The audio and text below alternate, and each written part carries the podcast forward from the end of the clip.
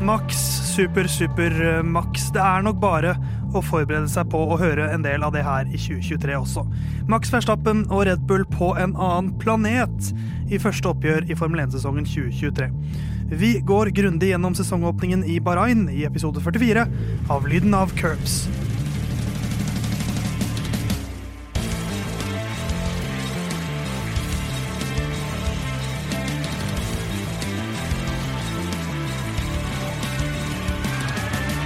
For 44. gang, eller da 68. gang hvis du legger til hele julekalenderen vår, så er det en ære å ønske velkommen til en ny episode av Lyden av Curbs. Din favorittpodkast, og kanskje ditt favorittradioprogram også, om eh, Formel 1 og Formel 2, og alt som svirrer rundt i dette formeluniverset. Vi har formelen på god radio, vi. Theis sitter bak spak og klaff i dag også. Eh, og Herman Borgstrøm Tangen, som er nesten ditt fulle navn. Ja, Hvordan går det det. med deg i dag, eh, mann? Eh, det er litt blåmandag på en tirsdag, Ja. for min del. Eh, med et løp som ikke blei veldig spennende.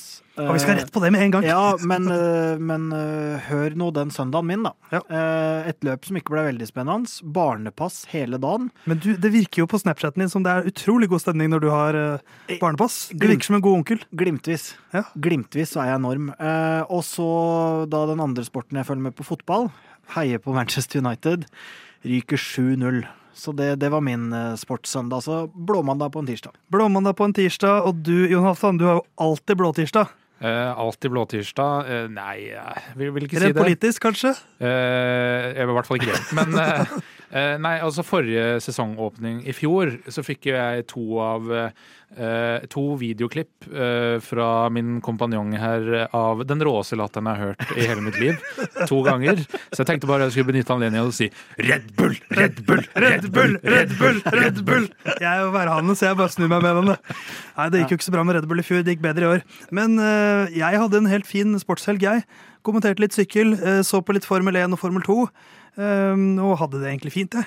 For det var gøy å ha litt Formel-action igjen. Eh, Men dette, var jo vårt, eh, dette er jo vår 44. ordinære episode. Og da er jo tallet 44 det jeg skal knytte elegant inn på Formel 1-banen nå. Kan jeg tippe? Du tror jeg har gått Hamilton-ruta? Ja. Jeg tror du er så slapp, Herman. Nei, altså eh, Jeg har jo prøvd å heve lista litt til i år. ja, Det åpenbare er jo at du har gått den veien. Ja. Eh, men eh, men jeg, jeg tror ikke du har gjort det, nei. Forrige uke så hadde jeg vel at McLaren har ledet 43 km. Ja, Bahrain, ja. vi skal holde oss på Bahrain. Carlos Sainz han har kjørt ni ganger på uh, Bahrain-banen. Han fullførte ikke de tre første. uh, og så tok han en ellevteplass. Så ble han nummer 19 pga. girbox-trøbbel. Eller girkassetrøbbel. Og de siste årene har han da femteplass, åttendeplass, andreplass og fjerdeplass, som blir 44 poeng totalt. Okay. Så Carlos Sainz har 44 poeng Ja. i Bahrain eh, Grand Prix etter da fjerdeplass, som han fikk på søndag. Så, og så har jeg også skrevet ned her da, Herman, at parentes 44 er altså Hamilton sitt eh, førernummer. Så jeg hadde det med, men jeg tenkte at jeg må ha med noe mer enn bare det, for det holder ikke. Men eh, ja, det er, eh, det er Formel 1-sesong som er i gang. Formel 2 har også begynt. Vi skal prate om begge deler. Er det noen som har lyst til å begynne et sted? Bare, skal vi begynne med Formel, Formel 1, eller? Vi, vi begynner med Formel 1. Ja, Begynner på, på der, og så går vi til tårnet etter hvert, som du pleier å si. Herman. Nei. Formel 1-sesongen er i gang, og vi i Lyden og Curbs er også godt i gang i vår eh, andre sesong som podkast. Det er stort. Ja. Um, og det blir noen små endringer i episodestrukturen. Ikke noen revolusjonære greier. Men uh, hva skal man si, opps eh, ett minutts oppsummeringa er ute. Det kommer en annen type oppsummering etter hvert. Men, uh, Vi glemte men, det forrige uke. vi glemte det forrige uke, så det konseptet kommer til neste løp. Det er bra ærlighet. Mer ærlighet, mer, mer demokra demokrati. Mer. Mer demokrati. Men eh, vi skal jo fortsatt gå gjennom grundig hva som har skjedd. Eh, og vi tar det litt sånn lagvis. Eh, og så da går vi, eh, akkurat som med bergarter, lag på lag på lag gjennom årtusenene. Så kommer det også fram hvordan lagene har gjort det. Men eh, konklusjonen blir jo at Red Bull er raskest i kvalik, og raskest i løpet. 1-2 i kvalik, ikke 1-2 i hele løpet, men nesten. Og eh, veldig tydelig 1-2 til slutt. Så Max Verstappen vinner med god, god, god margin foran Sergio Perez, som vinner med veldig god margin foran Fernando Alonso. Eh, Men et nytt konsept vi har, er når ble løpet avgjort? Eller vunnet Der eh, kan man jo velge selv, kanskje. Eh, Ja, det kan man jo gjøre. Altså, det- man Og det er gå, ditt ansvar, Jon. ja, og man, man kan gå tilbake selvfølgelig til forrige sesong og gjennom vinteren, men løpet her, isolert sett, idet Leclerc ikke er forbi Verstappen ut av linje eh, fra starten, da er løpet avgjort. Da er det Max sin seier. Spesielt fordi han kom seg forbi Peres. Eh, Da er det ingen eh, konkurrenter igjen, verken Leclerc som kan bremse han, eller Perez Peres som kan holde følge. Så da, der ble løpet avgjort, egentlig, på starten. Ja, og så kjører de jo ganske Altså, man kjører jo Max i starten, selvfølgelig. Max gjør jo alltid det. Men så kommer det et punkt i løpet hvor Red Bull vet at nå posisjonen er vunnet.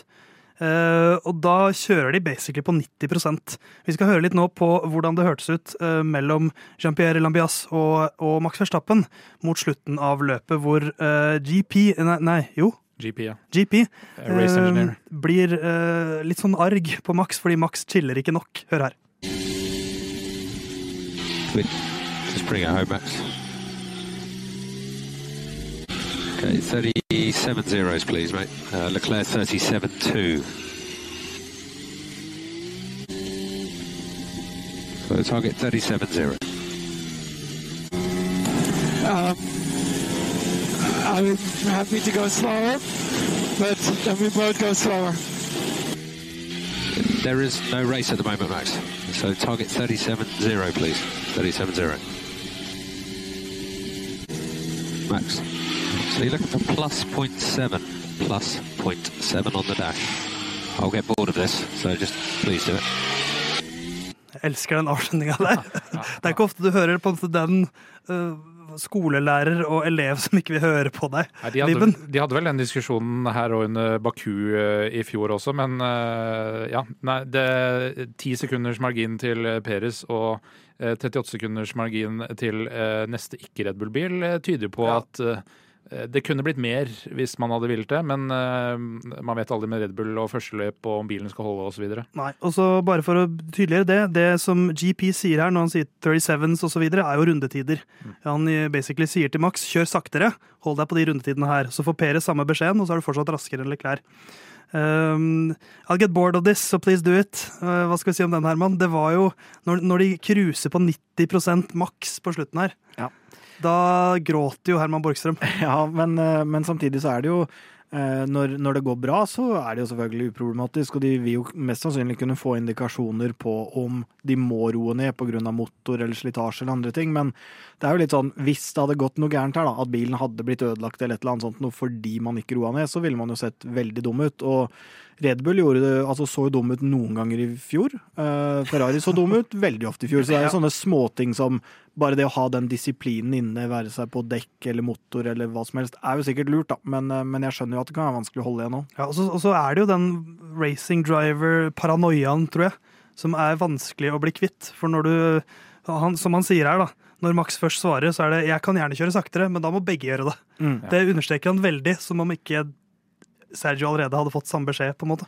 Ja, nå hadde jo han noen uh, Sergio hadde ikke like mye å gå på heller. Nei, uh, Verstappen hadde jo noen rariteter med bilen. Uh, At uh, bakhjulet låste når han girte ned. eh, Som er jo da gjerne i tilknytning til eh, den regenerering av batteriet, eller har med motorbremsen å gjøre, og ikke er på vanlig bremseskive bak. Eh, Så et eller annet var det jo kanskje der.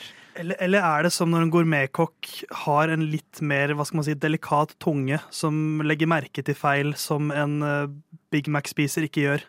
At, at, at feilene ved Red Bullen er såpass små i forhold til andre bilers feil, men man legger fortsatt merke til det da, Ja. når man er Max Verstappen. Og så nevner han det fordi han er perfeksjonist. Eh, Ja, og man har jo fjorårssesongen i mente, selvfølgelig. At det gikk galt med bare noen få runder igjen. Så eh, ikke at de lå an til å vinne da, men eh, det hadde vært kjipt å ryke på mekanisk feil, som andre gjorde når man leder såpass suverent. Ikke sant? Og så blir det jo en, en klar seier her. Første seieren til Red Bull Bahrain, i Bahrain siden 2013. Eh, Det var også sesongen der eh, Red Bull vant ganske brutalt til slutt, med Fettel som vant åtte løp på rad, var det ikke det? Ni løp, tror jeg. Ni løp. eh, Hvilken sesong var det? 2013, Ja, ikke 2012. ikke 2012. 2012 var mye tettere. 2013 Da var det jo var da alle ble forbanna på Sebastian Fettel, fordi han var så god. Sånn som vi sikkert kommer til å bli på maks eh, i år. Eh, Tsjekko, da. Han, han er jo så elendig kvalik. Ca. to-tre tideler bak uh, jevnt over i kvaliken. Ikke at jeg husker det helt, men det var ikke sånn at han ble parkert. Uh, Nei. nei, det var uh, i underkant av tre tideler. Og så blir han jo passert av Leclerc i starten, men så kjører han jo et godt løp. Men det er jo lett å se god ut når du har Red Bull, men, men var, det, var det bra nok? Ja, det er jo ikke noen grunn til Altså, hvis han, hvis han gjør det der hele sesongen, så er det jo ingen grunn til å tenke at han lever noe farlig, for å si det sånn. Altså ikke irritere på seg stjerna, um, ikke gjøre noen store feil, komme på andreplass. Ingen reell trussel for Verstappen heller, som man alltids kan når man har et lag som ser suveren ut, da, så er jo det alltid ønsket. Ref. eh, Mercedes tidligere kan Bottas tukte Hamilton i år. Han er liksom den eneste som kan gjøre det. Så Han var bra der i Australia på starten, og liksom, Ja. nå, nå skulle han ta han. ja, men, men, sant. men jeg føler ikke man snakker om Perez som nye Bottas. eh, Og da er det klart at uh, Han er jo ti sekunder bak, og mye av den tida ble tapt uh, da han lå bak uh, Charles Leclerc. Så hvis han ikke hadde mista posisjonen helt i starten, så kunne det sett eh, litt mer vanskelig å manøvrere for strategiavdelinga til Red Bull ut hvis det er Max man vil skal vinne. Som er vanskeligere å argumentere første løp. Ja. Og så er det jo litt sånn at uh, han er jo ikke nye Bottas, det er han jo for så vidt ikke, men jeg tror jo det på en måte er det underkommuniserte ønsket. Uh, kan ikke du bare være Bottas, Perez, og så inn, er du enig i det, og så fortsetter du å kjøre her og få gode penger og gode Hvis ikke så har vi en ny en vi kan ha inn som Bottas i stedet. Ja. Sitter et par store tenner her og gliser. Men apropos glis, vi skal hoppe videre. Vi skal sikkert prate masse om Max Verstappen og Sergio Perez, og at han skal bli den nye Bottas i løpet av årets sesong. Men Aston Martin, Mhm. Herman, Ja, jeg har sagt jeg det. har sagt det hele Herman, tida. Herman, jeg har konvertert. Har du det? Jeg er en del av din sekt nå. Ja. I, eh, dette var imponerende. Ja. Aston Martin har eh, løst noe her. Alonso har sjelden sett blidere ut. Ja, og så må vi jo ikke tro at det her handler om førerne. Det må vi bare aldri innbille oss. Dette handler om Lauren Stroll. Dette er først og fremst en seier for Lauren Stroll.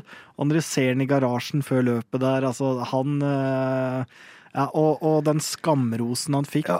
av Alonso etter løpet òg, med at eh, det var en sånn type som ikke nøyde seg med middelmådigheter og Nei, det var ikke måte på. Så det, Det er fascinerende hvordan den femårsplanen alltid er fem år fram i tid. For han snakker om fortsatt nå og om Ja, ja. innen fem år. Men Dynamisk femårsplan. Dynamisk femårsplan. Men eh, fra spøk til alvor, da, så eh, er jo jeg uenig med Herman at dette var ikke et underholdende løp. Fordi Fernando Alonso sto for absolutt all underholdning her. Det var ikke spennende i seierskampen, Nei, men, men det var- en annen underholdning å lete etter. Det var det. Eh, Å se han kjøre forbi altså George Russell var jo liksom greit nok, men den forbikjøringa jeg har på Louis Hamilton der, er eh, så utrolig godt håndverk eh, at eh, ja, Det er ikke noe annet enn å bøye seg i støvet for en mann som jeg har kalt 100 år gammel, og fortsatt er 100 år gammel, men han kan fortsatt kjøre. Ja. Og så vil jeg henge meg litt på Ikke henge meg, men på en positiv måte. Kaste meg på, heter det kanskje. Din skryt av Stroll. fordi at det han, Hans viktigste oppgave er jo hvem som får jobbene under. Og det er jo ikke førerne som er viktigst, eller, eh, eller eieren, men Dan Fellows. Som jo har gått i lære hos Adrian Newey, eh, som er kanskje verdens beste når det kommer til aerodynamikk. Han har skjønt noe med disse gulvgreiene som ikke så veldig mange andre har skjønt, men Dan Fellows har gått i lære Ja, og og, tatt det med seg til Aston Martin. Og den signeringa der, kanskje tiårets signering. Vi får se i fremtiden. ja, Det blir Helmut- litt sånn læregutten mot eh, læremesteren, kanskje. Ja, fremover. og Helmut Marko har sagt at det er ingenting i veien med hukommelsen til Dan Fellows. Og, og, og det syns jeg er på en måte helt fair av han å si. Men samtidig, ja, selvfølgelig. helt fair, altså man lærer jo ting, og så tar man jo med seg det videre. Så lenge det ikke er eh, vi tok med blueprint til bilen, men at det er ting jeg kanskje husker, eller de Ja. gjorde det sånn, det gjør man jo hele tiden. Så eh, jeg syns det er eh, Til tross for eh, at jeg syns han er litt fjollete, Lawrence Stroll, eh, eh, sånn i uh, fremtoning, så altså kan ikke få sagt altså Det fins jo nesten ikke noen lag som har forbedra seg så mye innenfor eh, en samme regelperiode på én sesong. Altså Det er nesten uhørt, det Aston Martin har gjort her.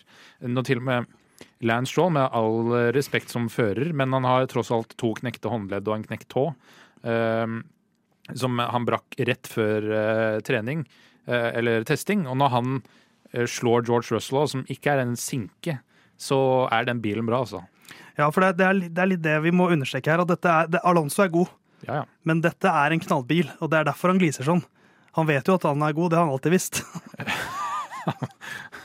men, men den bilen går på, ra på rails, som du sier, Herman. Ja, jeg pleier alltid å si det. Men, Ja. eh, men det, er jo, det er jo på en måte det det mesterskapet her trenger som det ser ut akkurat nå. Og så skal man aldri forskuttere noe, for det var sånn i fjor òg at eh, enkelte biler var veldig gode på enkeltbaner, noen var gode på kvalik, da andre var bra på løp, satte opp ting. Så, så, så jeg har satt noe i halsen omtrent. Godt kjøttark, det der. Det var jeg som hadde kjøttark forrige uke. Jeg er, litt, jeg er litt lei meg, men det blir sånn at man må på en måte leite etter litt andre ting, og da får man jo en gave her med hvor bra kan Aston Martin bli? Plutselig utfordrer de Mercedes. Det er jo på en måte enda mer uakseptabelt for Mercedes enn at de plutselig er bak både eh, Red Bull og Ferrari.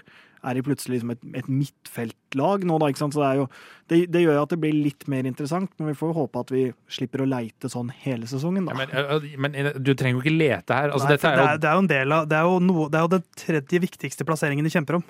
Så det er ikke sånn at det er liksom vi leter på 17.-plass, at der var det en tett fight. Nei da, men sånn som fine forbikjøringer og sånn. Jeg syns jo både Hamilton og selvfølgelig Alonso som går seirende ut av, av den duellen, har jo en veldig fin seanse der, og kult å se og bra racing og sånn, men man vil jo gjerne se den racinga om førsteplass. Da. Ja. Men det er det sjelden du får i Formel 1. ja, Du fikk det 2021-sesongen. eller Ellers så var de foregående seks åra, Ja, ja, syv åra det er der, var jo dette.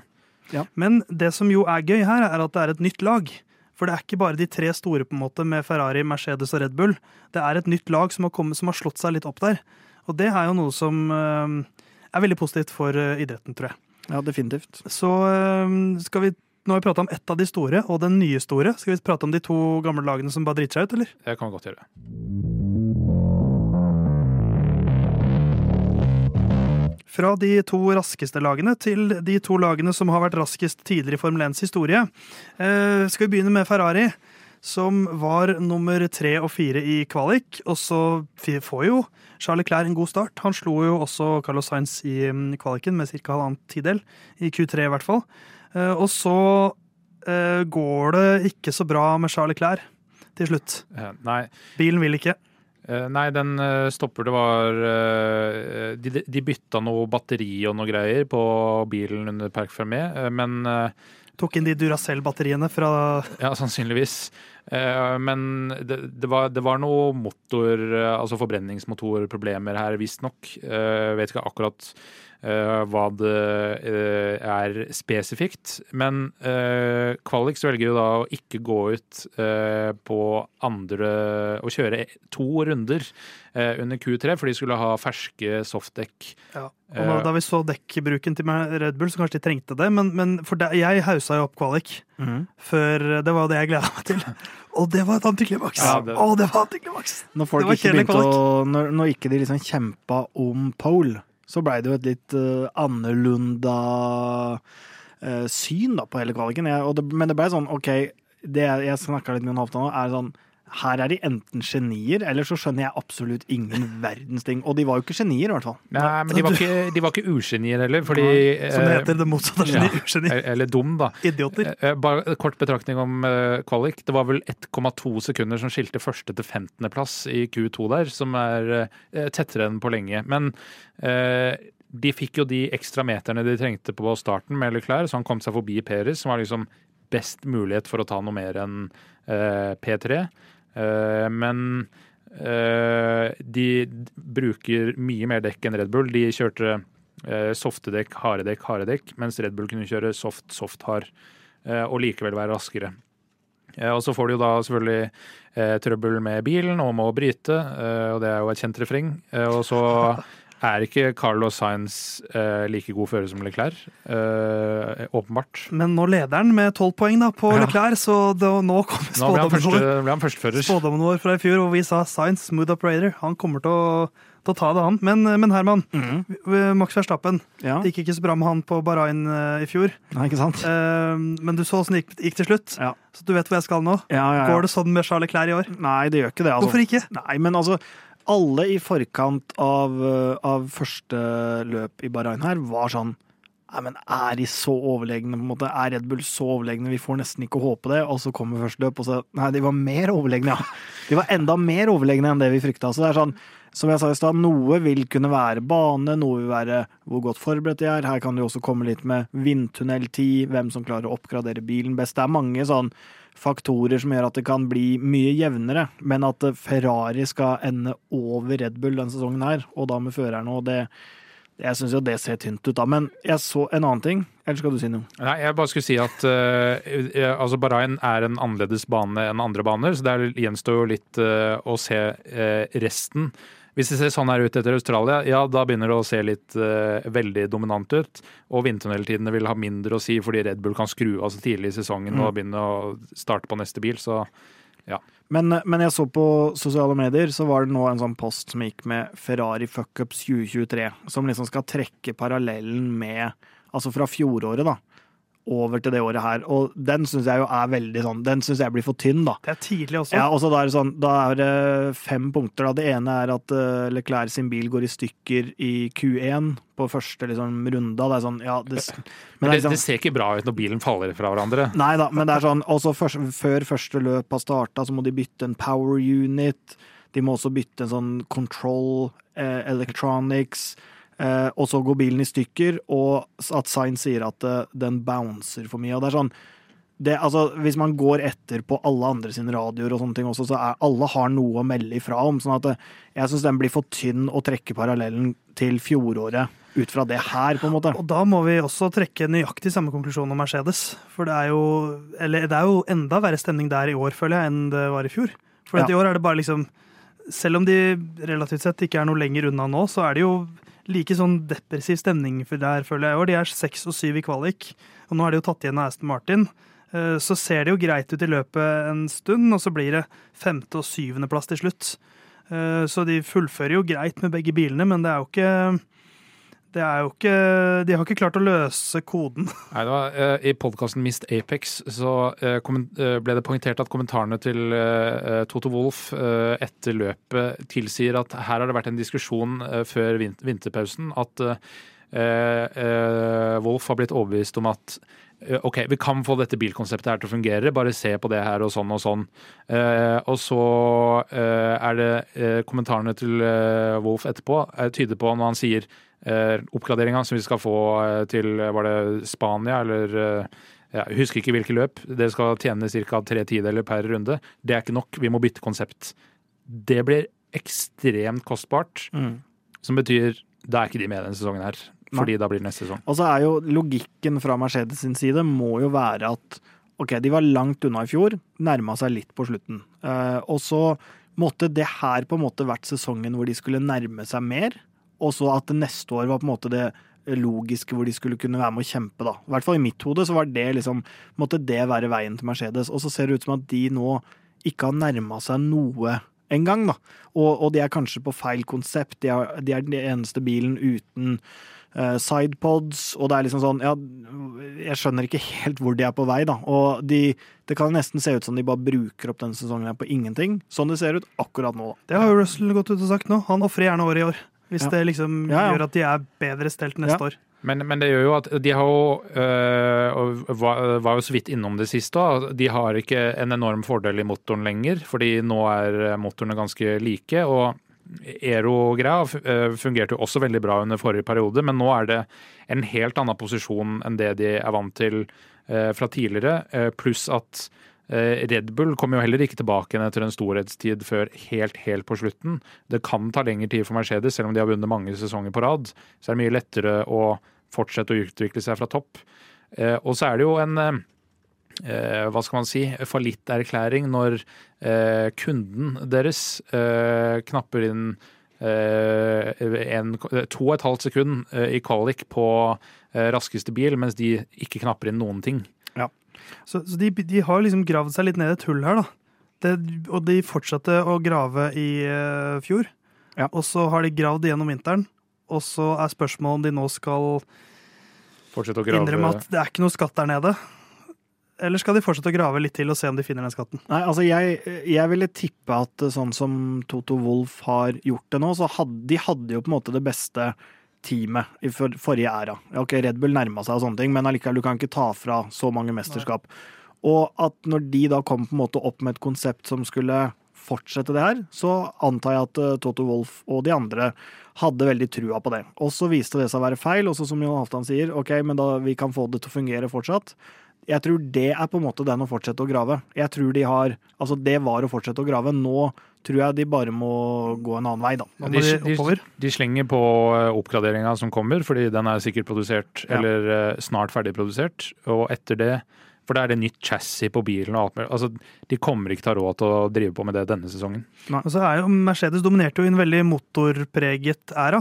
Nå er det vel litt sånn at aero is king. Og når du har en Red Bull-sjef der, en, en sjefdesigner som er ekstremt god på det, eh, så er kanskje Mercedes litt sånn De er kanskje ikke best på det her. Rett og Nei, slett. men det er jo, Har de de beste jo- folka på aero, eller er det motor de kan? Nei, men det er jo en total også, da. Sånn at, Jo da, men, men, men- totalen er viktigere nå på Nei, aero. men akkurat nå så, så har de jo åpenbart ikke det. Eh, og man kan jo sikkert spekulere i også at de er såpass gode på en del punkter at de de er dårlige på nå, er de enda dårligere på enn det vi faktisk tror òg. Men jeg tror kanskje sånn som Totto Wolff, og i hvert fall sånn han fremstår i alt av intervjuer Jeg har jo ikke hørt få podkaster med denne mannen, for å si det sånn. Og han fremstår som en sånn type OK, vi er et lag, vi står sammen, nå er vi nede i det sammen, alle, OK, nå går vi i samme retning. Men jeg tror ikke akkurat han er fremmed for å gjøre endringer heller. Så han er kanskje der at han velger å stole på sine litt lenger enn andre, eh, og ikke helt amerikansk i den modellen. Men jeg tror nå kommer vi til å se utskiftninger. Nå kommer det til å være ganske mange endringer da, som vil skje hvis den bilen her fortsetter å levere så dårlig. Ja, men, og, og det vet man jo ikke enda, men ting tyder jo ikke på at det er veldig mye bedre enn i fjor. Og så vil en oppgradering kanskje hjelpe litt, men eh, Andre lag har også oppgraderinger. Ja, nettopp. Altså mål... er det? Lista Ja. heves hele tiden. Målstreken flytter seg lenger og lenger fram, i tillegg til at du flytter deg framover. Eh, så eh, jeg, jeg tror ikke mm, nødvendigvis at Mercedes vil prioritere mye ressurser på årets bil, men det er jo sånn Første løpet er over, og man, ja, nå vinner Red Bull med 100 på vis av poeng, og Mercedes er ferdig. Altså, det er jo veldig forenkling, og Det det. eh, man skal ikke svartmale sesongen Nei. enda. Og så har jeg bestemt meg for mitt mindset i år. Jeg skal ikke være irritert og forbanna på Red Bull, fordi de har bare vært gode. Jeg skal være irritert og forbanna på Ferrari og Mercedes for at de har fucka opp. For de har, ikke, de, de har jo hatt samme mulighetene, og så har de ikke klart den overgangen til eh, den nye æraen. Ikke helt samme mulighetene, da. De kunne gått over med Nei, de- 400 de 000 litt- dollar. Ja, ikke helt samme De har én servelatskive på brødskiva si istedenfor to, fordi at de har litt eh, dårligere catering. Men, eh, men nok om det. Eh, Vi går videre til eh, lagene litt lenger ned på resultatlista.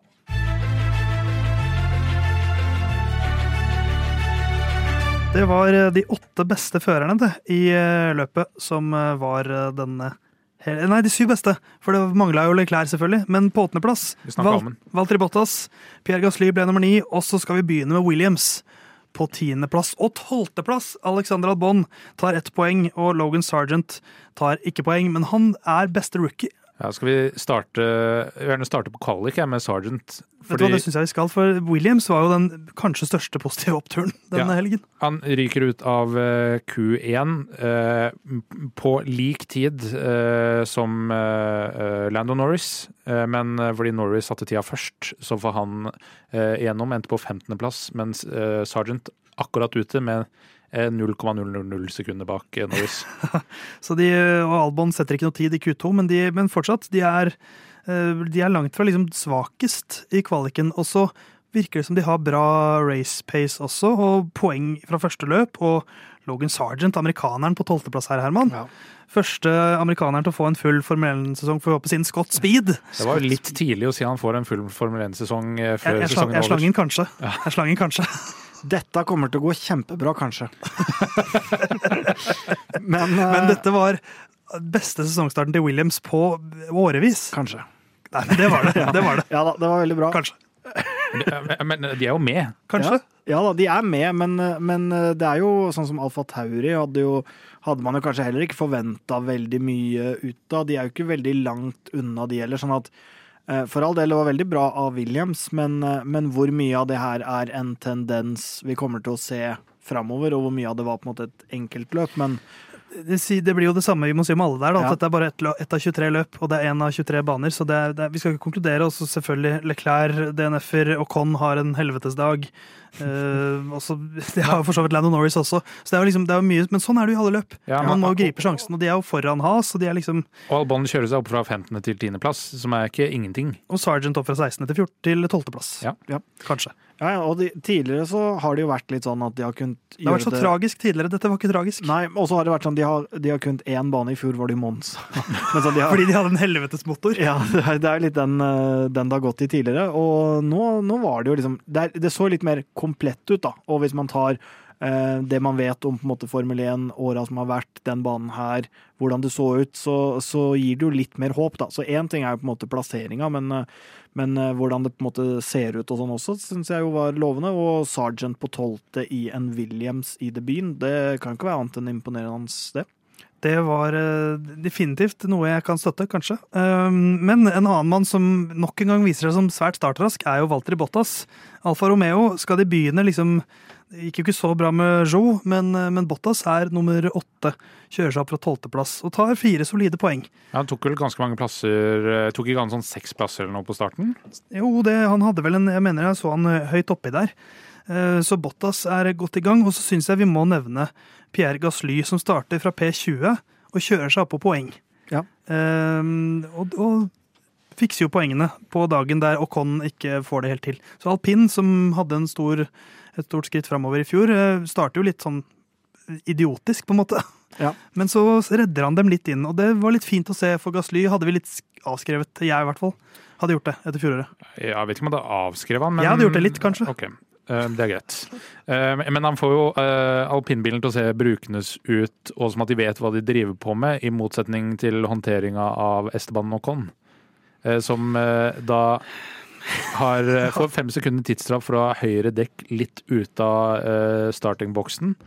Eh, skal eh, da under pitstop vente. Ingen skal ta på bilen før det har gått fem sekunder. Eh, noen begynner å ta på den etter 4,6 sekunder, som er det er bare litt, men det, det er ganske mye litt. Sånn I Formel 1 så snakker vi om tusendeler. Uh, uh, og sammen med pitstop så kjører han da uh, 0,1 km i timen over fartsgrensa og får fem sekunder for det. Og ti sekunder tidsstraff for eh, å ikke ha gjennomført tidsstraffen for feil plassering. Så til sammen så får han jo egentlig 20 sekunder, og blir jo da straffa 19,6, da. Ja. Eh, Siden han eh, sparte 0,4 der. Men han slapp i hvert fall å kjøre hele. Vi skal prate, prate, litt mer om McLaren etterpå. eh, Men om han eller Landon Norris hadde verste dagen, det kan vi komme tilbake til da. Men, men tungt for Ocon var, var Han slutta vel etter 41 runder eller noe sånt. Og var det reelle feil ved bilen, eller var det bare at de valgte å ta den ta kaldere en dag? Det må Det vel ikke. være en eh, reell med eh, hermetegn. Eh, altså Det skal iallfall være en slags grunn. Det kan vel være hva som helst, men eh, likevel. Ikke bare ta ut noen fordi jeg gidder ikke mer. Nei, ikke sant. Men uh, er det noen andre som, som er verdt å nevne her, da? Has. Ja. eh, Med de to blonde karene, Hylkenberg og Magnussen. Det var litt eh, Det så lovende ut etter kvalik, for Hulkenberg kommer seg til Q3. Ja, ja, det er jo Som er jo smått, eh, smått utrolig. sinnssyk kvalifisering av han. eh, og da Kevin Magnussen ble jo sånn halvveis grilla på dansk TV, som jeg ser jo det er på Viaplay, og de får inn derfra. Og, Halvveis grilla, sånn at når, du, når han leveres hjem til deg, så kan du ta den inn i ovnen og ta siste delen selv. Stemmer. Sånn at da var det liksom ja, men Hulkenberg gjør det så bra, hva skjedde? Og, og da må liksom Kevin bare stå nei, men ja, veldig bra levert av Hulkenberg, men jeg fikk det ikke helt til, og jeg hadde litt trafikk, og Men det spørs nok, grilla. spørs nok om ikke Nico er øh, øh, Hvis man eh, tar bort pausen, øh, en litt bedre fører enn det Kevin Magnussen er. Mm. eh, de to. Men i løpet så fremstår Has som vintage Has. Eh, det er Fordi de, de bare liksom seg bakover. Ja, Jeg skjønner ikke hva det er Jeg, jeg som klarer ikke helt å sette fingeren på hva som skjedde med dem, men det liksom Det røyker vel en vinge på bilen Ja. til Hulkenberg eh, tidlig der. For det blir 13. og 15. plass av 17 fullførende biler. Eh, Med da eh, et utgangspunkt med en tiendeplass på Hulkenberg. Og Magnussen kjører, kjører seg opp fire plasser. Ja, Magnussen han starta på harddekk. Det var Ja. den eneste som gjorde det. Resten starta på soft. Og Han er nede på liker 20.-plass etter runde tre. Ja, men det liker jeg òg. Fordi det er sånn Det er, det er litt sånn vi snakka om sist. Der skal has være. Det er akkurat der det skal være, hvis det viste seg at eh, vet du hva, de som starta på hard i dag, de fikk en kjempefordel. Ja, da er det has som skal få den kjempefordelen. Og så vil det veldig ofte ikke lønne seg å gjøre det motsatte av hva alle andre gjør.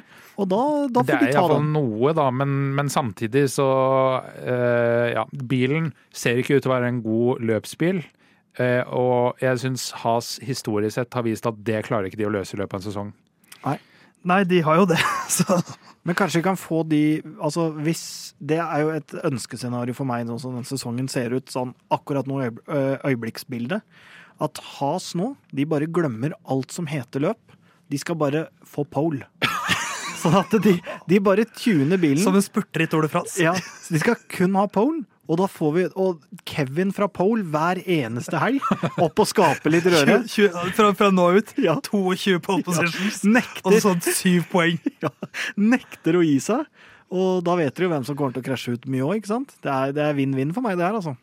Eh, ja, du tenker det er Max som kommer Ja, til å krasje ut? ja, det stemmer. De må ta han. Hvis vi, Ja, hvis, ja, vi, de skal ta De skal ut, ta han ja. ja. hvis vi da får en sånn ny Belgia-variant hvor det regner og, og får, kanskje Hulkenberg har kommet seg opp i pole. Plutselig så får han en seier på en sånn Belgia-variant. Det hadde vært stort. Nei, men det liker jeg. Has, tenk. Hvis, hvis det hadde vært mulig å bare gå for pole, så er kanskje Has laget som bør gjøre det. Eh, Jeg syns vi skal nevne, nevne Alfa Tauri også. Der har jo uh, rookie Nykter Friis blitt slått greit av yngre Yuki Sunoda. Det er viktig for Sunoda at han liksom statuerer et eksempel tidlig her. og Han er jo ganske greit raskere enn uh, Nykter Friis i kvalik, og slår han fint i løpet også. Så det blir ikke poeng, men, men sikkert Han er god fryktelig nærme å ta det poenget fra Albon. Det er han. Så, så, så en, fin start for uh, Yuki Sunoda, som har litt sånn make it or break it-sesong. Uh, mens Nykter Friis er uh, rookie, Ja. selv om han er eldre enn ganske halve feltet, føler jeg. Men, uh, men vi kan nevne de òg. Og så uh, har vi begynt å tippe. Uh, vi skal tippe inn i det segmentet nå, og så tar vi litt av McLaren etter det.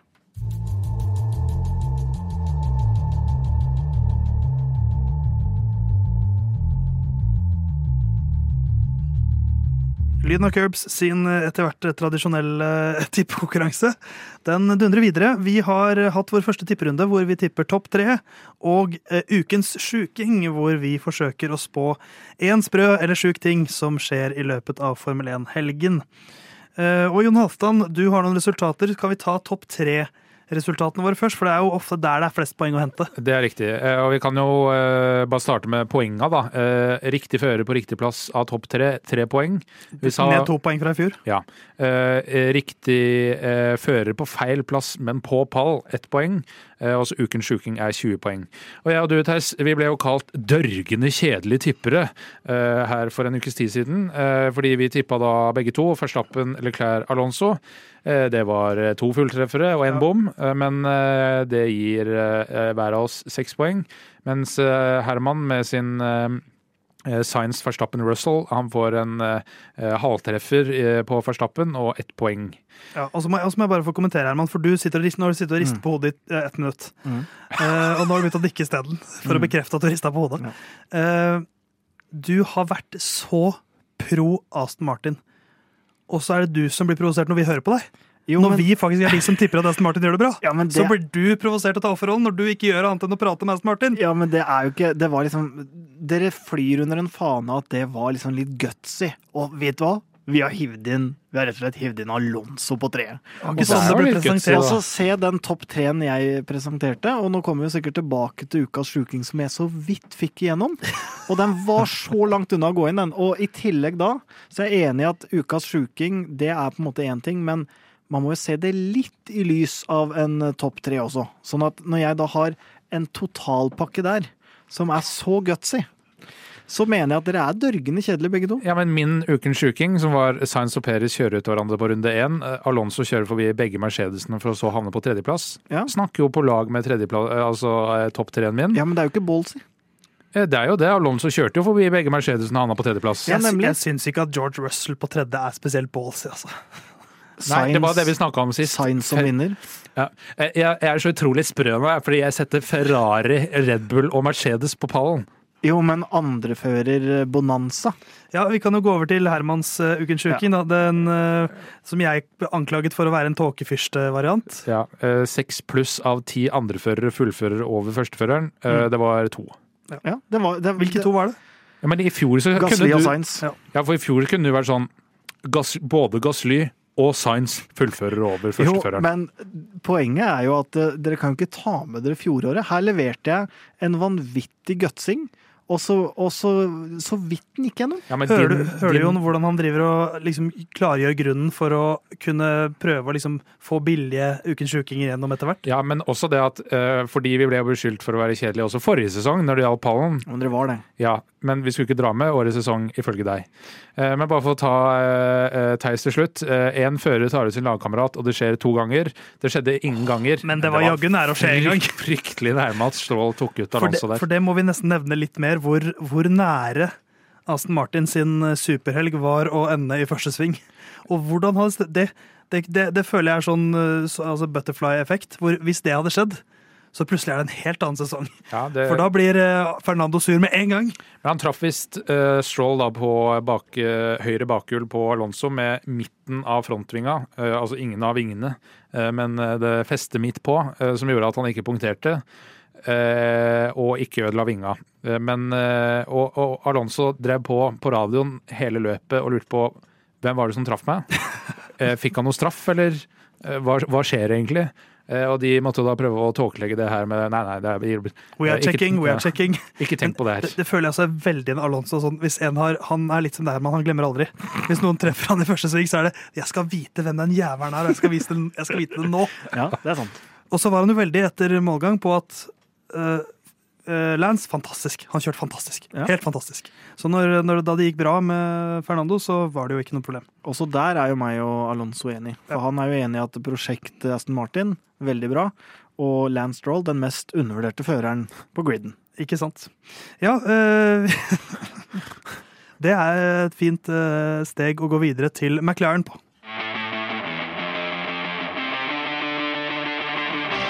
Det er ett lag vi har eh, spart til nå, og det er det laget som for meg kanskje skuffet mest. Egentlig eh, i, i Bahrain eh, Grand Prix, og det er McLaren. For det gikk liksom så, så åt skogen som det kan gå. Oscar Piastri stoppa etter 13 runder med elektrisk trøbbel i hans eh, Formel 1-debut for McLaren. Kul start. Veldig fet start etter å ha kvalla P18, som ikke var superbra, det heller. Eh, Norris kom seg så vidt videre til Q2, ble nummer 11 der, da, så han gjorde jo en grei kvalik. Eh, så vidt. Det kunne blitt en veldig dårlig en, men det ble en grei en så vidt. Og så kommer løpet hvor han pitter, er det seks ganger? Jeg, jeg tror det var fem ganger. Han, han er i hvert fall siste bil som fullfører. To runder bak Max Verstappen etter å ha mm, vært nummer 11 på griden. Da. Så det, det var jo en Ja, han kjører eh, soft, hard, soft, medium, hard, soft, soft. Ikke sant. Så han får jo, de får jo Det blir en slags dekkdans her for eh, Lennon Norris. Eh, og dette er jo tungt for meg som er veldig glad i Zac Brown. McLaren er jo litt mitt Aston Martin. Ja. Eh, Zac Brown er jo, var jo din du, du var veldig glad i Zac Brown før, det. men du har glemt han nå. Ja, Ny kjærlighet. Men det kommer vi litt tilbake til i denne ukas spesialepisode. Men jeg mener jo også at Zac Brown har tatt seg litt. Oi, oi. Bare som en liten teaser til det som kommer. Eh, men hovedgrunnen da, til at eh, Norris måtte inn så mange ganger, var for å fylle på eh, pneumatisk luft. Som vi eh, Jeg spurte halvutdanna ingeniører Theis Er det pneumatisk luft egentlig uttales? For å Eh, prøve å vinne litt ingeniørkred. Nei, det står pneumatisk her, så jeg syns vi skal være fonetisk riktig. Norge trenger flere psykologer, ass. Eh, Det er riktig. Eh, Men det handler om trykkluft. Eh, Ja. For de får ikke lov å fylle på eh, eh, væsker. Eh, Enten det er olje, hydraulikkolje, vanlig olje eller eh, bensin. Jeg trodde du var på noe Dior, Chanel, Eh, Essential oil. Louis Vuitton Nei, væsker, ikke sant? Oh, ja, sånn, ja. Men jeg, jeg skulle ønske jeg bare droppa den. Den vitsen. Det skulle jeg også. Ja. Uh, uh, men uh, uansett, han måtte inn og fylle opp det Seks ganger var det han stoppa da til slutt. Syv stint. Ikke sant? Eh, de brøyt aldri bilen. Det var en periode der han var eh, like rask som Hamilton og Alonso da han lå bak den fighten deres. Eh, men det er jo klart det hjelper når du bare har maks eh, fire-fem runder gamle dekk hele tiden. Ikke sant? Alltid ha ferske dekk, det hjelper. Men, men jeg har lyst til å prate litt mer om McLaren. Sånn, hvis vi zoomer litt ut, for vi vet jo helt, ikke, ikke helt hvor bra den bilen egentlig er. fordi at det fikk vi jo egentlig ikke sett. Eh, De har jo sagt at men de dette konseptet skal vi bort fra. Ja, og, og hvis vi ser, altså McLaren er jo et av lagene som vi ofte omtaler som liksom et gammelt storlag. Sist de vant konstruktør-VM, det var i 1998. Eh, så- Mika Häkkinen, eh, David Coulthard-tida. Det stemmer, det var akkurat det året. Eh, og så har de mange andre tredjeplasser siden det. Og så kom Alonso inn, og da gikk det litt åt skogen. Eh, men så eh, Første sesongen med Landon Norris og Carlos Sainz, da ble det nummer fire. Året etter nummer tre, så det var liksom inn i Joy to Survive så har jo de vokst litt igjen. Så med Zac Brown som kom inn, og så, så fada det litt. Fjerdeplass, eh, femteplass eh, ble det i fjor. Eh, så de har jo hatt en litt nedadgående kurve igjen. Um, og så er det litt sånn de, de har ikke virka veldig selvsikre. I, I september i fjor så valgte de å eh, endre egentlig veldig mye. Eh, Da, da hevet de gulvet med 15 mm, sier James Key, som er deres technical director. Og det er litt grunnen til at de sliter litt med bilen nå. Men de sier at til Baku skal de være klare, med nesten et nytt konsept. Eh, Og så sier Lando Norris eh, til motorsport.com at eh, den oppgraderinga vil ikke holde hvis vi skal nå topp fire. Nei, ikke sant. Så da, da, da er de kanskje Men de er litt tilbake til square one, kanskje, fordi at de har gått en litt ny retning. Uh, og men det virker jo som de vet på en måte hva problemet er. da. Ja. At liksom, vi, vi vet hva vi gjorde, og vi vet hvorfor dette skjer, men ja, vi henger etter. Så de har jo valgt feil vei et punkt der, og må dekke litt opp for det. Men, men eh, det ser ikke ut som de skal være nærmere fjerdeplass i år. De ble nummer fem i fjor. De er veldig flinke på elektriske reklameskilt på bilen. Ja, for det er nettopp det. Eh, Zac Brown har jo de, har fått mer penger på stell. De har en veldig god førerduo nå med Norris og Piastri. Eh, Ricardo viste seg ikke å være en god signering, egentlig, men Norris definitivt en god signering. Men var det en god signering for Norris? For nå har han, han har kontrakt ut 2025. Mm. Eh, det kommer jo litt an på hva som skjer òg, da. Uh, hvis Hva skal vi si Hvis uh, Verstappen pakker sekken i 2025 og tenker at nå holder det, det ikke så veldig sannsynlig. Men da er jo ikke det nødvendigvis dumt å ha en kontrakt og bare surre rundt og, og være der. Samme med Hamilton. Det er jo mye sånn timingmessig som kan, som kan uh, treffe, men han, uh, han skulle jo sikkert ønske at han var i et, uh, i et annet sete akkurat nå, vil jeg tippe, Norris. Og det ser jo det, er, det som er litt merkelig, synes jeg, er at det er over to konsepter. Ja. Jeg syns de begynte jo på en måte å komme seg litt mot slutten av uh, før regelendringa. Uh, den sesongen som det egentlig skulle uh, inntruffet. Så, så så de jo liksom ut til å være innpå noe, men nå så har de liksom ikke klart å videreutvikle det noe, og ser jo bare dårligere ut i år enn i fjor òg.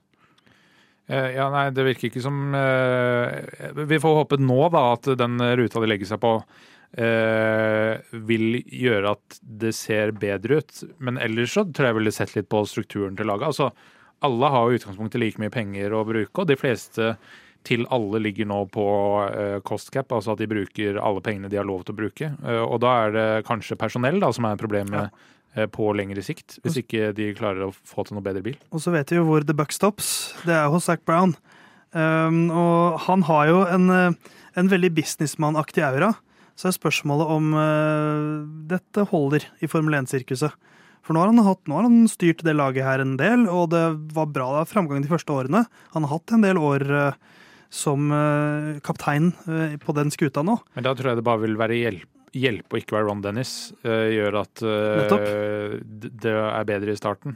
Så jeg skal ikke si at det er make it or break it for Zac Brown, men, men jeg, de har ikke råd til veldig mye mer negativ utvikling nå. For det har vært flere sesonger på rad hvor de har utvikla seg feil retning. Han har vært i McLaren siden 2016 og CEO siden 2018. Ikke sant? Så øh, han må skjerpe seg, og McLaren må skjerpe seg. Vi får se hvordan de utvikler seg. Hvis det kanskje løser seg litt i Aserbajdsjan, da. Plutselig så er de blant de jevne femte, sjette, sjuendeplasser av og til. øh, Og Piaster begynner å plukke litt poeng også, så er det ikke like gærent. Men, øh, men de har øh, rykket litt tilbake til start.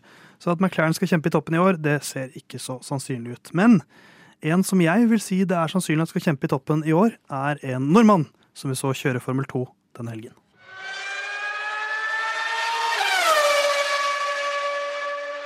Vi øker fra Formel 1 til Formel 2, og paradoksalt nok, går vi ned et nivå. Formel 2, feeder-serie eh, til Formel 1. Der har vi en nordmann som kjører. Eh, han er Red Bull junior, en del av deres akademi, og kjører for MP Motorsport. Dennis Hauger kjørt sine første to løp for det nederlandske laget. Eh, kvalifiserte P4, radiolyden radioen Lyden av Norge, som du sier, Herman. Yep. Eh, og vi må fokusere mest på det første løpet her. For vi kan bare si som det er. Løp to. Eh, motoren sliter. Turboen var det problemet på bilen, så han må gi seg veldig tidlig. Null poeng der. DNF. Det eneste man kan si om det løpet, er jo at han åpner jo ganske passivt, men det er sånn hvis, Vises veldig ved starten her. Ja, men det er sånn eh, Når ikke man får se på en måte avslutninga på løpet, eh, og at han er med der, så blir det sånn OK, men han så litt passiv ut i starten.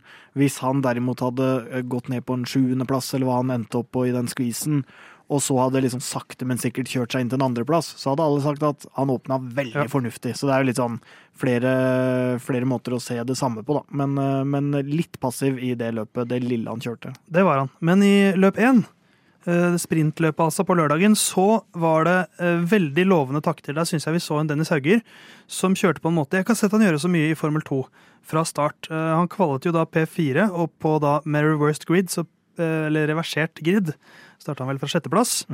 Um, og så er det en Theo Porcher som starter fra P10 da, i det løpet. Som kjører altså så sinnssykt bra i starten. Porcher var klart raskest i kvalik. Uh, Porcher kommer seg opp og forbi Hauger, men så er det som om eh, Hauger har litt mer dekk igjen, og så kjører han altså så bra mot slutten og blir nummer to.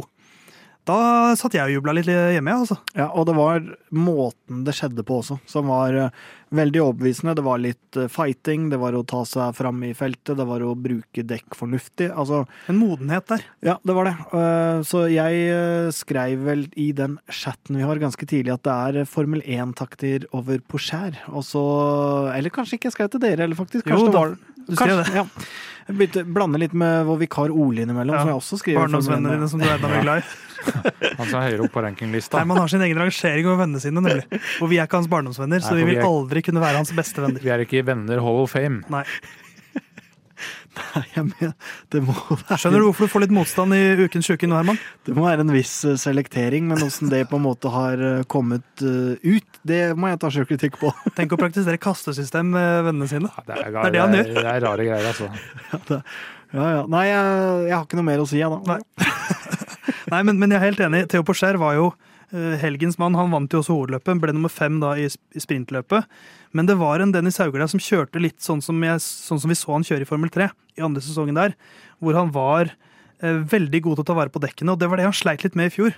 Eh, og det var den dekkfordelen som kom på slutten der i sprintløpet, som var veldig gledelig å se. Og så var det eh, Ralf Borsong som stakk jo av gårde i starten av det sprintløpet, som var vanskelig å hente inn.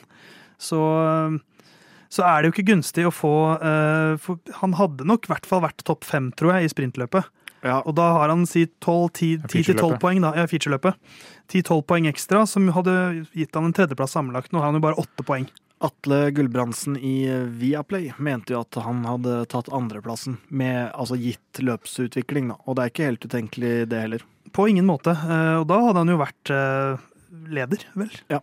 Så, så kommer jo Theo Porcher og de andre toppgutta til å ha problemer, de også. Men det er liksom Det var jo mye trøbbel i fjor for Dennis også, så jeg håper ikke dette blir sånn stress. Ja, turbo tyder jo ikke på eh, eh, operasjonelle vanskeligheter eh, eh, hos eh, eh, MP Motorsport, er det det den er nå? Ja. Ja. Men ja, vi får se hvordan det går utover sesongen. Ikke ideelt å ende opp 24 poeng bak etter runde én, men ingenting er over. Og jeg, jeg vil jo bare stå for også påstanden jeg hadde da jeg egentlig mente Drugovic.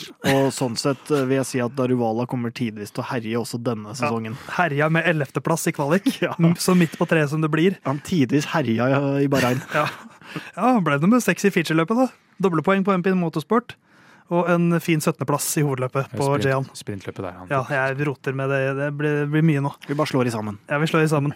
Men eh, Theo Porcher er jo seiler opp som en slags favoritt. Han var langt foran i, eh, i kvaliken. Han var syv og et halvt tidel foran Victor Matens. Så dobbel ART eh, der, altså.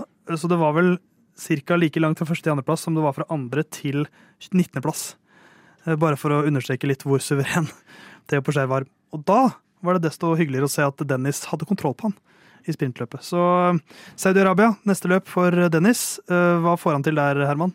Uh, han kommer til å få til noe, Ja. det gjør han. Men uh, jeg, jeg fikk veldig lyst til å si uh, at du skal si Dennis på samme måte som du uttalte det jeg ville sagt som Martins. Ja. Men han er franskmann. Ja, men hvis du kjører samme lyd på Dennis Denis Auge. Denis. Ja. Du må Herman, at jeg har en jobb Jeg hvor jeg det. har seere som er ganske på meg når det kommer til uttale. Ja, ja, det vet jeg. Så jeg, jeg blei sånn Theo Porcher, jeg, kan nå, Victor Martin. jeg kan nå ikke si hans navn etter deg, for da blir jeg Jeg må ta et valg. Enten som jeg prøver meg på å uttale, det kommer til å gå gærent, eller som jeg bare sier sånn Victor Martins, som også blir feil. Victor Martens. Men Dennis Denis Auger han kommer tilbake til Saudi-Arabia.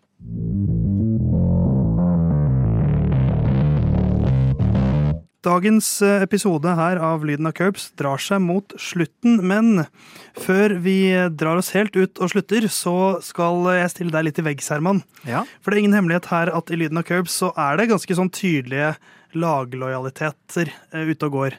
Jon Halvdan, du, du er mest glad i Eh, Red Bull. Ja. Herman, du hater mest. Eh, Red Bull. Ja. Og hvem liker du best? Aston Martin. Aston Martin. ja. Eh, Jeg, Jeg, hater Aston Martin mest. jeg er litt mer medgang- og motgangssupporter, så jeg heier på de som ikke vinner. Og, det, og at det blir litt spenning. Men jeg er litt sånn jeg, altså, jeg, jeg har latt deg hate Red Bull såpass, Herman, fordi at vi har en motvekt her. Og det er jeg veldig opptatt av. Vi har en motvekt i programmet. Det er en balanse her hele tiden. Ja, Men jeg så balanse er det. Den ene er litt men jeg, jeg, prøver å balansere det litt, jeg Ja. også. At jeg, hvis Herman er veldig anti-Red Bull, så blir jeg litt mer på deres side. Men Herman, jeg lurer på hvor Hva er du villig til å ofre for at det går dårlig med Red Bull? Så jeg har en del sånne en, en del situasjoner jeg skal sette deg i nå, Ja. som du bare skal svare på om du, du ville ofret dette for uh, at det skulle gå dårlig med Red Bull. Ja, hvor dårlig snakker vi da? Eh, Nei, det får du høre i, ja. i vi kan godt, For jeg har, jeg, har, jeg har skrevet at Verstappen blir ikke verdensmester i år, mm. men Og så må du ofre noe. Ja. Uh, og da Vi kan godt si at Peres, at det ligger et slags premiss om at Peres heller ikke blir det. Nei. Nei. Uh, første, første spørsmål, Herman. Verstappen blir ikke verdensmester i år, men du får aldri være med i Lyden av Curbs igjen.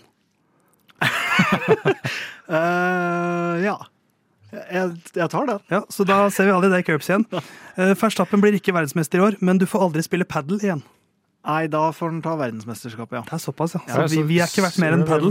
Faller så langt ned, ja. Verstappen blir eh, ikke verdensmester i år, men du får aldri drikke Monster igjen. Um, nei, jeg må ha monster. Du må ha Ja, jeg Monster. må ha monster. Eh, Verstappen blir ikke verdensmester i år, men du får aldri spise ost igjen. Ja, den er helt uproblematisk. Også, du, er ikke, du er ikke noen ostegutt. Nei, da kan jeg ofre osten. Du, du, ser, du ser ut som en ostegutt. Pizza. Det kommer fra en ostegutt selv. Der sitter i bryna, tenker jeg. Hva med den her, da? Førstappen blir ikke verdensmester i år, men du får aldri reise til USA igjen. Ja, nei, da, da får han bli verdensmester, ja. ja. Jeg kan ikke ofre USA. Tenk, tenk hvor langt ned vi kom. Ja, det, Altså, det, er, det er litt det er ute ville aldri skaffe vikar til padel, men eh, sending, det, det har han ingen problemer med. Det er det jeg prøver å finne litt ut av her. Hva er egentlig vi verdt? Ja. Eh, Verstappen blir ikke verdensmester i år, men du må stå opp klokken syv hver eneste dag. Det går heller ikke. Så det er er dere som kan ofre oss. Ja. Verstappen blir ikke verdensmester i år, men partiet du misliker mest, gjør et brakvalg under kommune- og fylkestingsvalget i høst. Um, den er litt kinkig, faktisk. Ja. Fordi i bygda mi Langangen så er vi veldig avhengig, ja, så er vi veldig avhengig av eh, at Arbeiderpartiet fortsetter å støtte skolen Ikke og, ikke, og andre ting. Så da må den faktisk bli verdensmester igjen. Men den hadde vært enklere altså Hadde det ikke vært for tilknytninga Hadde det vært Fordi du går jo på skole. Er Hadde det ikke vært for tilknytninga til Langangen, så hadde den vært offer. Og vi skal videre til eh, Langgangen. Verstappen blir ikke verdensmester i år, men eh, Langgangen fjernes som navn og erstattes av Porsgrunn 2. Nei, det går heller ikke. Det går heller ikke. Ikke sant? Så navnet på ei bygd er verdt mer enn eh, vårt vennskap. Porsgrunn Nord. Ja. Nei, Porsgrunn 2. Ja, ja, det fikk med meg. Verstappen blir ikke verdensmester i år, men Jon Halvdan mister to fingre. Ja, for fader. Han kan øh, Ja, ja. ja. Okay. Han kan ofre fingrene. Jeg ofrer ikke fingrene. altså det, er- Jon Halvdan mister to fingre, og, da blir ikke Verstappen verdensmester. Ja. Men Herman har valget. Ja, ja. Ja, ja, du mister to fingre. Verstappen blir ikke verdensmester i år, men Theis mister tre fingre. Ja, ja. Kjør på. Du er jo aldri med på padel uansett. Nei, det er sant. Jeg, da må jeg spille med én hånd. Nei, Det var det jeg hadde, Herman, og Ja. da fant jeg vel egentlig ut at vi er Vi har vært svært lite i Hermans liv. Ja. Vi har vært mindre enn Monster, padel med fremmede, reiser til USA, Fingrene våre. eh, hjembyen, Til og med lokalpolitikk bryr seg mer om Tenk, enn oss. at, tenk at en eh, barneskole på, i, i, altså, rett ved veien eh, er Ja. mer eh, verdt enn eh, programmet her. Hvis jeg kunne moderert meg, så hadde det vært 50-50 på den med barneskolen. Ikke sant? Ja. Men det er enten-eller. Ja. Det er ikke noen nyanser her. Men eh, takk, Herman. Ja. Uh, lyden av Curbs nærmer seg slutten, uh, men det kommer mer Curbs-innhold utover i uka. Kanskje kommer vi til å gjøre det litt mer i år. At det kommer sånne bonusepisoder uh, som er litt kortere, som bare handler om ett tema. Vi skal ha en egen episode om Drive to Survive. Som kommer nå på torsdag, hvor vi prater litt om årets sesong. Hva vi liker, hva vi kanskje ikke liker, hva vi ønsker oss mer av, og hva fremtiden til Drive to Survive er. Um, Verstappen vinner ikke i år, men du får bestemme hva Drive to Survive skal handle om neste sesong. Da kan du diktere vinner nå. Ja, Ja, men de gjør som de vil i Survive. ja, men blei ikke det to goder, da?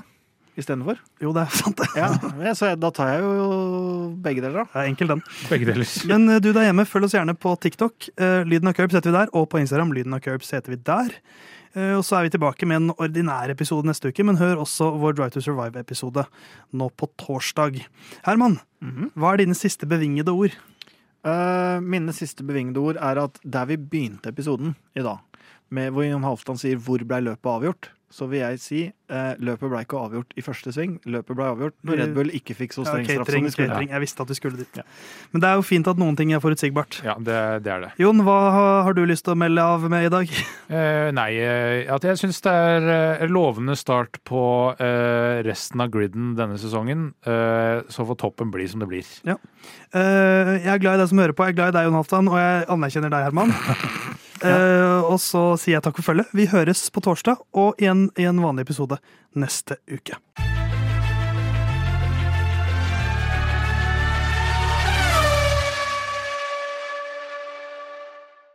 Good luck this weekend, Stroll!